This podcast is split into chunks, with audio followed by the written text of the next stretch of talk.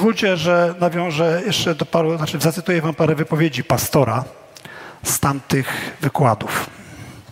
Wierzycie oczywiście, że nasz pastor pod natchnieniem Ducha Świętego głosi, nie? No, powiedzielibyście inaczej. Oczywiście, że tak jest. W związku z tym to nie będą słowa tylko Jego, ale tego pod natchnieniem, którego On tutaj do nas głosi. Powiedział coś takiego 12 lipca. Kto ma duszę zdrową, ten ma życie zdrowe. Następnie 28 czerwca, że Bóg będzie się manifestował w przemienionych duszach. Albo, że dusza jest jak gąbka. Mówił to w kontekście tego, kiedy mówił, że czasami ktoś jest odrzucony na dobrą sprawę, zanim się narodził. I to ma konsekwencje w jego życiu. Naprawdę, jakbym zaczął wam wymieniać w tej chwili konsekwencje poczucia odrzucenia, to mi palców u dwóch rąk zabraknie. Tak wiele tego jest. Ale powiedział coś jeszcze takiego. Pamiętam, że to mnie mocno poruszyło. Że mamy nowego ducha, że kiedyś dostaniemy nowe ciała uwielbione, ale że nikt nam w Biblii nie obiecał, że kiedykolwiek dostaniemy nowe dusze. Pamiętacie to zdanie? Pomyślmy nad tym przez chwilę. Jeżeli to jest prawda, a jest, to może warto poświęcić tej sferze trochę więcej uwagi. Albo coś z tą sferą zrobić. Zobaczmy, czego pragnie Bóg w tym temacie dla nas. Pierwszy Tesaloniczan otwórzmy. Pierwszy Tesaloniczan 5:23.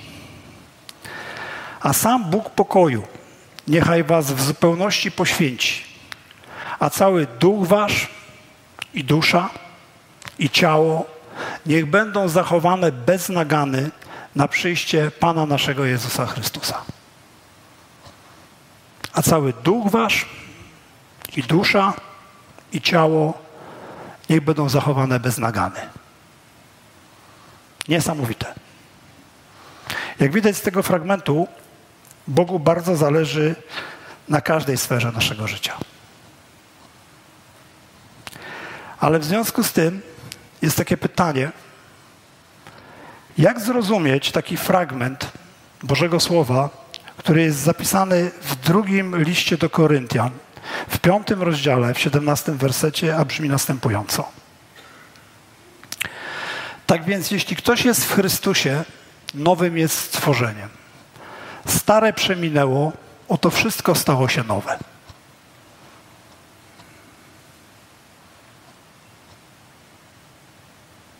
Ciekawe. Stare przeminęło, oto wszystko stało się nowe. Czy oznacza to, że skoro wszystko we mnie stało się nowe, to nie ma już nic do zrobienia? Śmiem twierdzić, że tak nie jest. Dlaczego? Dlatego, że to, co stało się nowe, całkowicie nowe i nigdy już nie będzie poprawione, to jest nasz duch. Natomiast nie wiem, czy zauważyliście, ja tak, że jeśli ktoś jest w Chrystusie, zaraz trochę opowiem o tym, jak znalazłem się w Chrystusie, to jeśli chodzi o moje ciało, to niewiele się zmieniło. Narodziłeś się na nowo, znalazłeś się w Chrystusie, wszystko stało się nowe, idziesz do lustra, patrzysz. Na nówkę to nie wygląda. Ja wyglądałem trochę gorzej nawet niż przed narodzeniem się.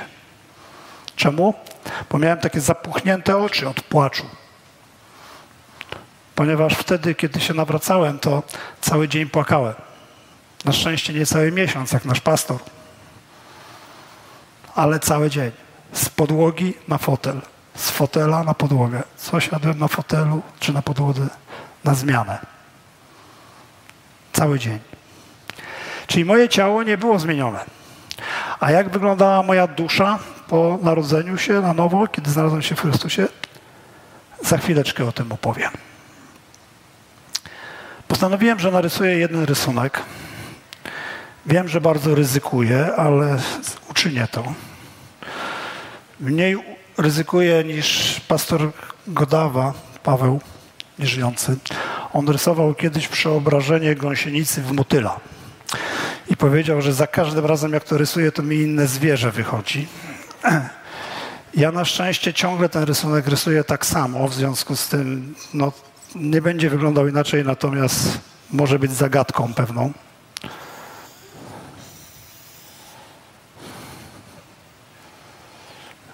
Wiecie, co to jest.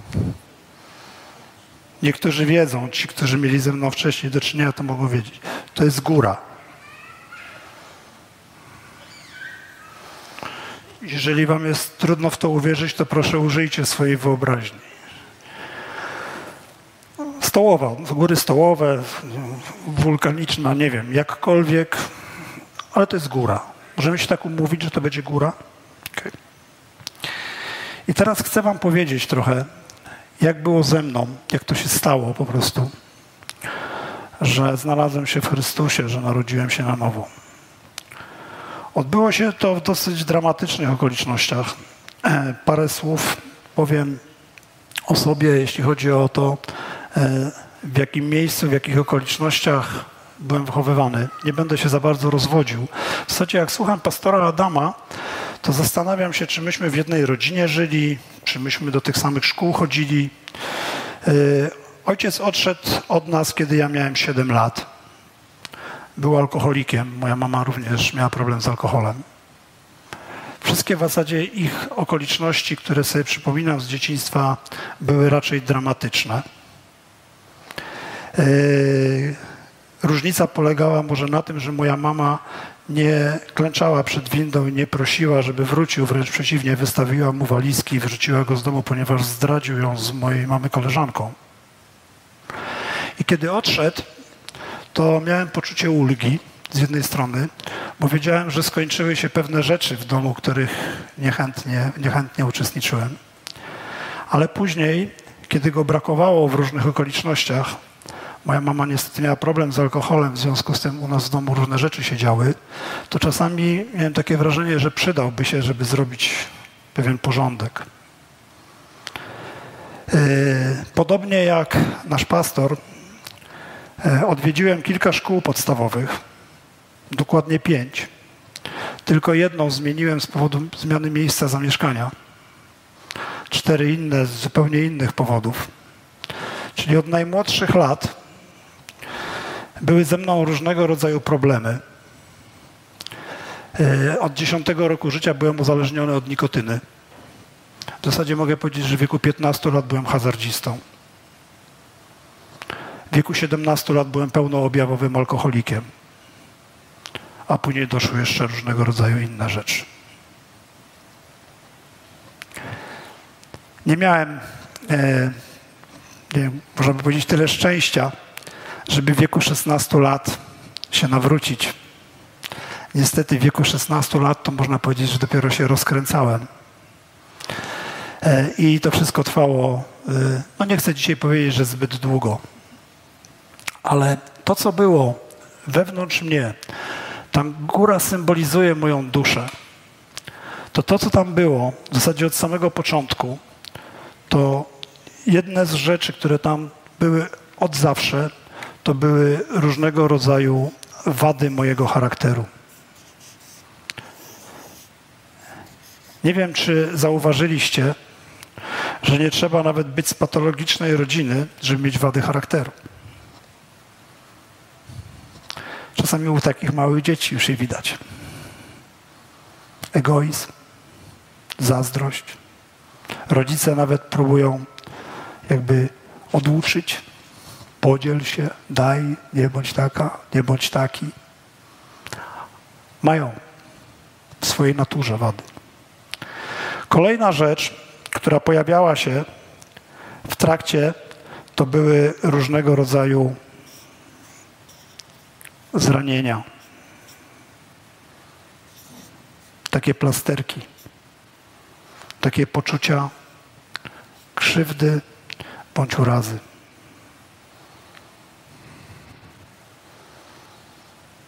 Nie wiem, czy jest jakiś człowiek, który nie doświadczył jakiegoś poczucia krzywdy, jakiś uraz.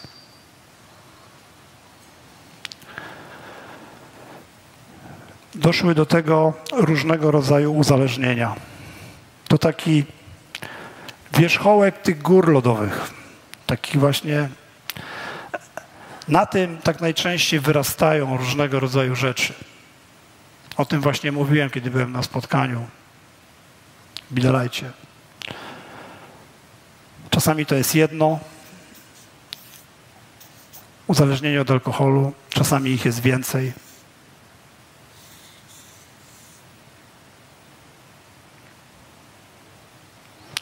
Nie wyglądało to dobrze.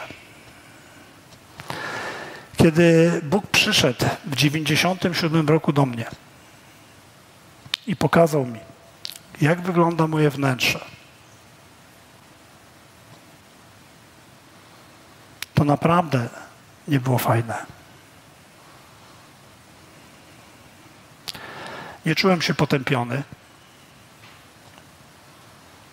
Nie czułem się jakiś, nie wiem, zdołowany totalnie. Było mi po prostu bardzo smutno i przykro. Jak zobaczyłem to wszystko. Jak zobaczyłem tą całą krzywdę, tą całą winę, ten cały brud, ten cały grzech, to jak jestem upadłym człowiekiem.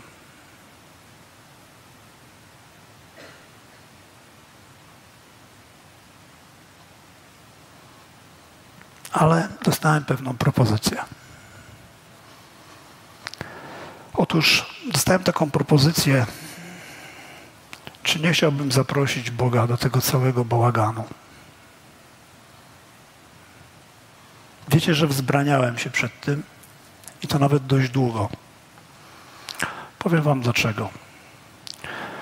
Osiem lat wcześniej, w 1989 roku, Bóg wyciągnął mnie z alkoholizmu.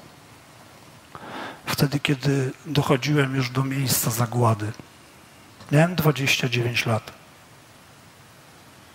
Wyciągnął mnie stamtąd.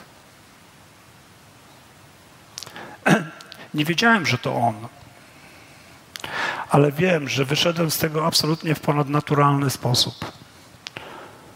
Bóg zafundował mi takie wideo, które trwało prawie dwie doby, gdzie mogłem oglądać cały przebieg swojego alkoholizmu ze wszelkimi konsekwencjami.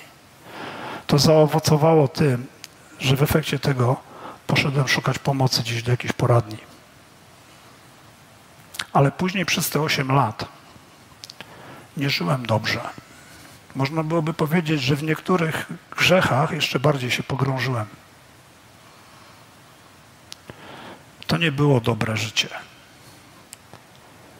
I kiedy po ośmiu latach przyszło kolejne wideo i kolejna prawda i kolejna propozycja pomocy, ja wtedy zorientowałem się, że tą osobą, która wtedy mnie uratowała, był Bóg kiedy on zaproponował mi, żebym go przyjął, że on mi pomoże, e, to ja bałem się powierzyć mu swoje życie, dlatego że bałem się, że nawalę.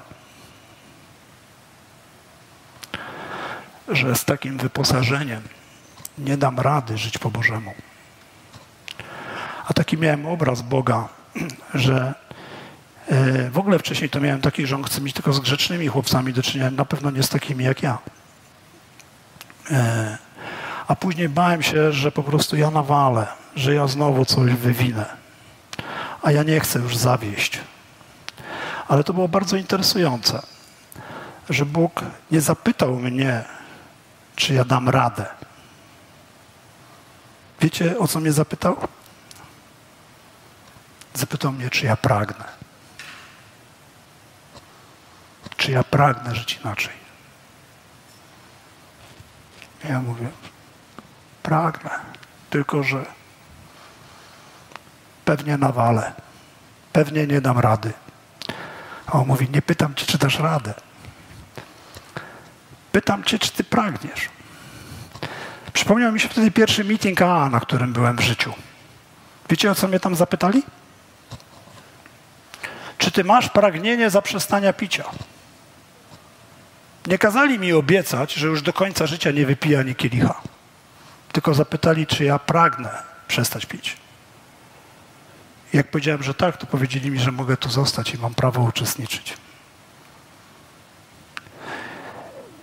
I wtedy, kiedy powiedziałem, że pragnę, i Bóg powiedział, to wpuść mnie tutaj. I zgodziłem się na to, to dopiero zaczęły się porządki w moim życiu. Ale nie od razu i nie wszystkie. To nie stało się tak, że kiedy zaprosiłem Boga do swojego życia, to nagle wszystko tutaj znikło. Dam wam prosty przykład. Tuż po nawróceniu stało się coś. Zaraz powiem co. Tuż po nawróceniu, przyszedłem do pracy, ludzie mnie nie poznawali. Byłem inny. Wcześniej byłem narzekający, marudzący, obwiniający. Wszyscy już mnie mieli dosyć. Byłem jakiś cichy, spokojny, po prostu inny. Nie wiedzieli, co się stało, a ja nie za bardzo chciałem się opowiadać. Ale jeśli chodzi o pewne rzeczy, z automatu robiłem tak samo. Jedną z rzeczy, którą robiłem z automatu, to dopisywałem kilometry swojemu pracodawcy. Zawsze. I nawet mi powieka nie drgnęła z tego powodu. Po prostu. A on mi za to płacił. Nawet wiedząc, że ja mu dopisuję. Bo każdy wie, ile jest z Wrocławia do Oleśnicy i z powrotem. Że to nie jest 45, tylko 30. Ale ja mu zawsze wpisałem 15 w jedną, 15 w drugą i miałem 8,60 do przodu. Kupa forsy. I zrobiłem z automatu dokładnie to samo. Dopisałem kilometry, tylko że sumienie tak mnie zaczęło gryźć, po prostu taki czułem dyskomfort tego, co zrobiłem, jakbym jakąś kobietę z babci z emerytury okradł. Naprawdę, no po prostu my, co jest grane? Jeszcze niedawno dopisywałem i nawet powieka mi nie drgnęła, a teraz dręczą mnie wyrzuty sumienia. Później zrobiłem kolejną rzecz, kolejną i za każdym razem było tak samo. Co było skutkiem nawrócenia? Tak jakby mi ktoś dał nowe sumienie. To było coś nieprawdopodobnego. W ogóle nie miałem komfortu robienia pewnych rzeczy, co nie znaczy, że nie próbowałem robić. Tylko, że miałem dyskomfort. W związku z tym, przyznam się szczerze, miałem taki moment, że powiedziałem, po co mi to było? Po co mi to całe chrześcijaństwo? Przecież ja teraz nawet nie mogę normalnie ten. Mówię, rzucę to chyba, nie wiem. Miałem dwa wyjścia. Albo to rzucić, albo zacząć się od tych rzeczy, które mi powodują ten dyskomfort, odwracać. Na szczęście wybrałem to drugie. Zacząłem odwracać się od pewnych rzeczy, a Bóg w nagrodę dawał mi lepsze. Ale jeśli chodzi o różnego rodzaju wady mojego charakteru, do dziś jest to robić. Bóg jeszcze ze mną nie skończył. Chociaż wykonał kawał pracy. Naprawdę. Nie będę dłużej się rozwodził, ale powiedzcie mi, bo do tego zmierzam. Jak ja, będąc w takim stanie, miałbym wypełniać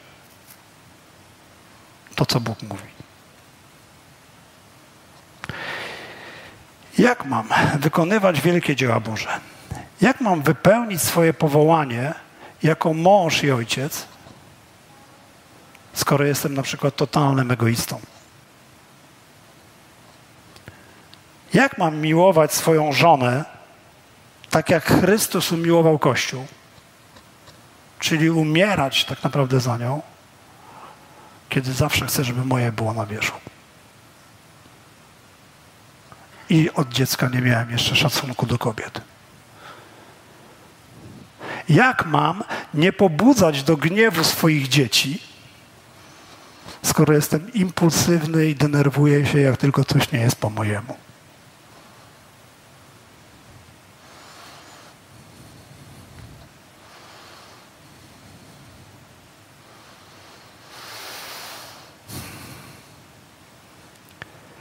Raz byłem na obozie.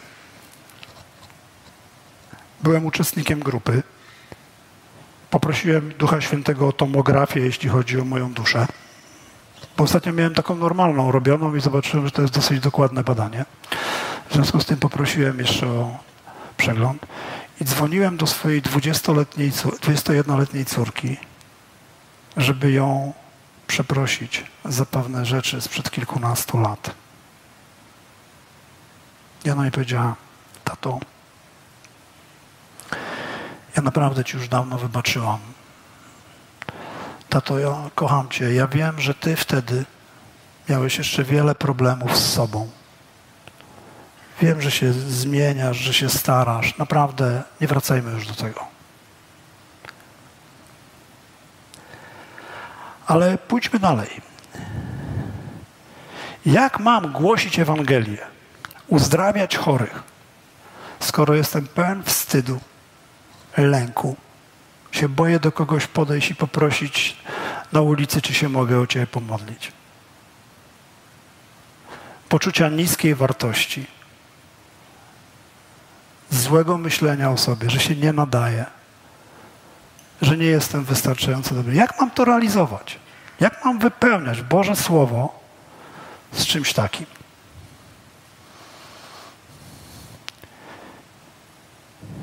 Jak mam mieć dobre stosunki z innymi ludźmi, skoro czuję, że nie nadaje się do miłości, że kogo ja tam mogę interesować? Boję się podejść. Jak mam być hojnym dawcą, skoro jestem skąpy? I cały czas się boję, że mi zabraknie. Jak mam być Bożym synem, skoro mam mentalność sieroty? Rozumiecie, dlaczego tak ważne jest, aby nasze dusze były zdrowe? Każdy z nas prawdopodobnie chce być duchowy, chcemy robić wielkie rzeczy. Mamy naprawdę niesamowitą perspektywę, mówił o tym pastor ostatnio. Więcej ludzi, więcej zadań. Byliśmy na tych różnych, tam właśnie mamy różne, mamy wiele do zrobienia. Ale Bóg Ojciec chce mieć zdrowe dzieci. Bóg Ojciec chce mieć zdrową armię, a nie pospolite ruszenie. Amen? Amen.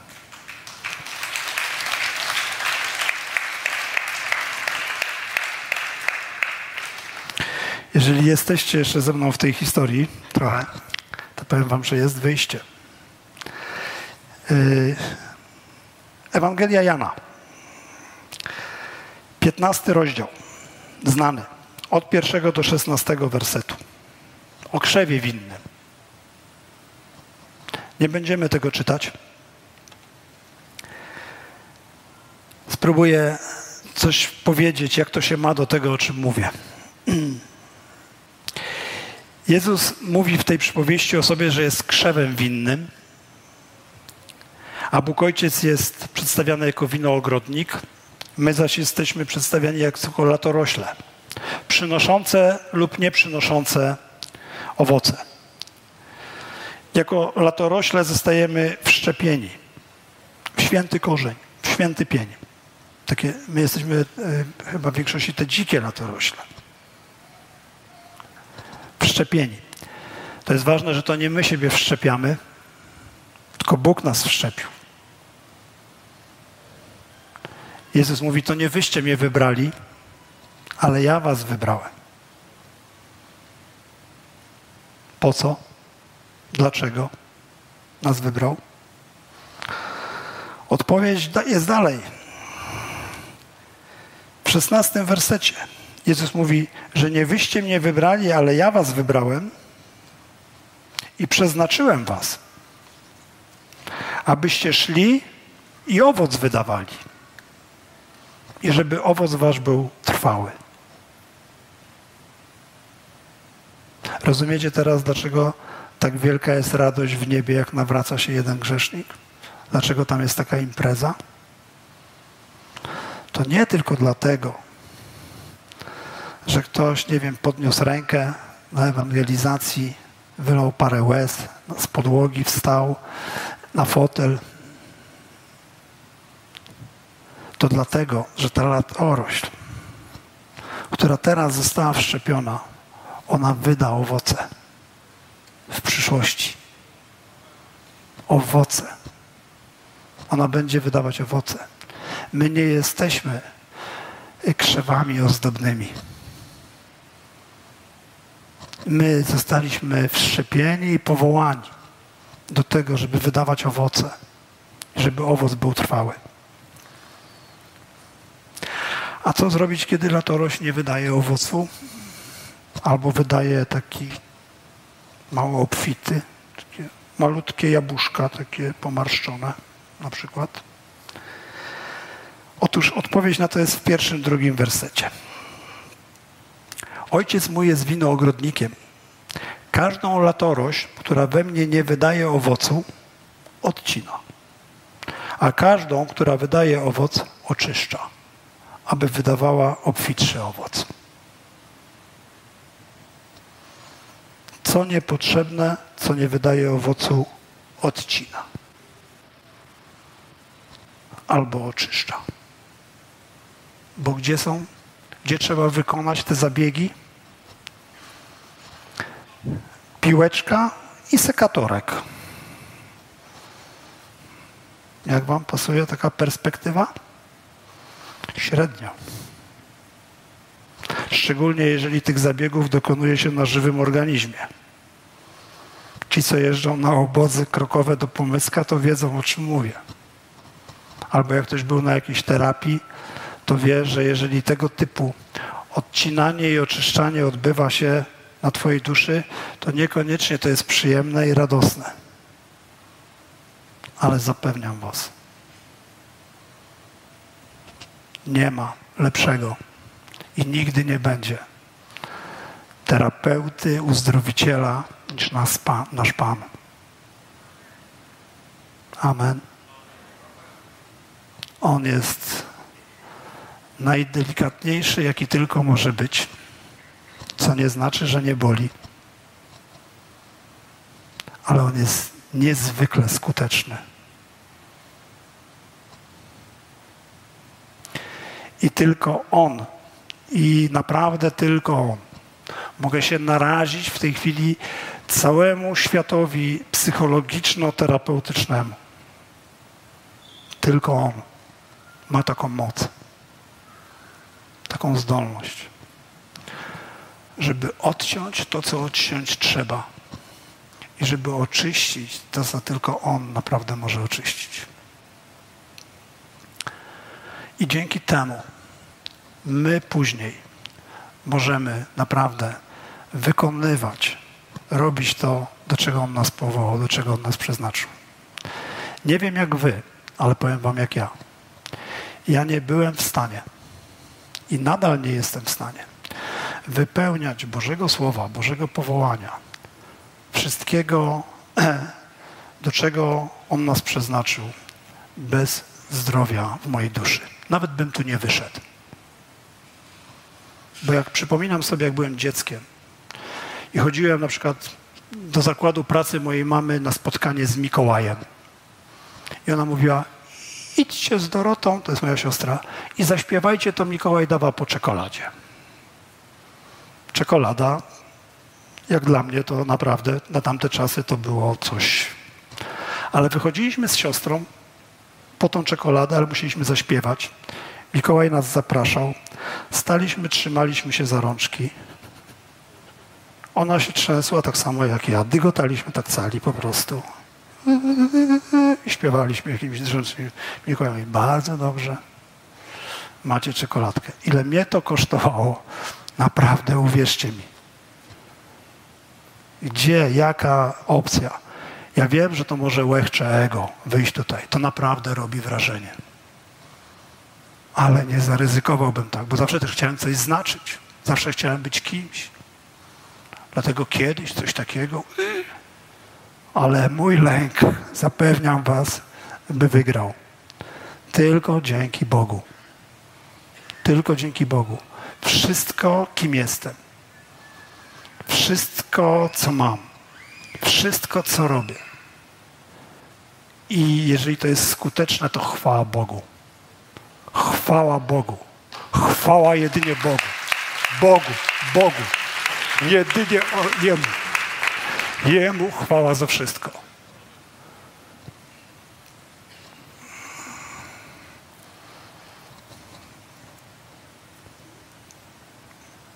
Jeżeli w jakiś sposób identyfikujesz się z tym, o czym mówię i widzisz potrzebę, żeby coś w Twojej duszy, to nie muszą być aż tak straszne rzeczy, ale wszystko, co Cię powstrzymuje, wszystko, co Cię ogranicza, żeby wypełnić naprawdę. Y, pastor tu ostatnio mówił, że on y, świadkiem jest takich sytuacji, że no, na przykład udziela ślubu, jest jakieś małżeństwo, wszystko dobrze, a później teraz słyszy takie wieści różne, niefajne. Wiecie, że ja często w odwrotnej sytuacji byłem? Spotykam małżeństwa, które już w zasadzie mają sprawy w sądzie. A później dzięki łasce Boga, dzięki temu, że przychodzą i poddają się temu, dzisiaj po prostu świecą. To jest naprawdę niesamowite takie rzeczy widzieć. Wiecie, ja nie mówię o tej duszy, dlatego że jestem terapeutą i naganiam sobie klientów. Nie. Ja mówię o tej duszy, dlatego że jako terapeuta ja tego widzę dużo więcej niż inni. Każdego dnia. Tych udręczonych ludzi. Wierzących i niewierzących. Nawet wierzących wiele lat. A nie wydających owocu. Z tego powodu. Dlatego przyjdźmy, przyjdźmy naprawdę do lekarza, pozwólmy jemu. On przyszedł nie tylko, żeby swoje owce znaleźć, ale żeby dać im życie. I to w obfitości. Ja jako ojciec dzieci bardzo bym chciał, żeby one naprawdę były duchowe i cieszę się, że wszystkie oddały życie Jezusowi. I bardzo bym chciał, żeby były zdrowe fizycznie. Ale też to, na czym mi bardzo zależy, to żeby ich zdrowie emocjonalne, mieli zdrowe dusze. A wierzę, że każde ojcostwo bierze początek od Boga. W związku z tym, jeżeli to jest włożone w moje serce jako ojca, to z całą pewnością to również jest w sercu Boga. Dzięki za odsłuchanie podcastu Kościoła Wrocław dla Jezusa. Przesłanie było dobre, prawda? Gwarantujemy, że to nie tylko teoria. Teraz Twój ruch, by zastosować je w swoim życiu. Jeśli chcesz dowiedzieć się o nas więcej, odwiedź stronę wdj.pl. Do usłyszenia!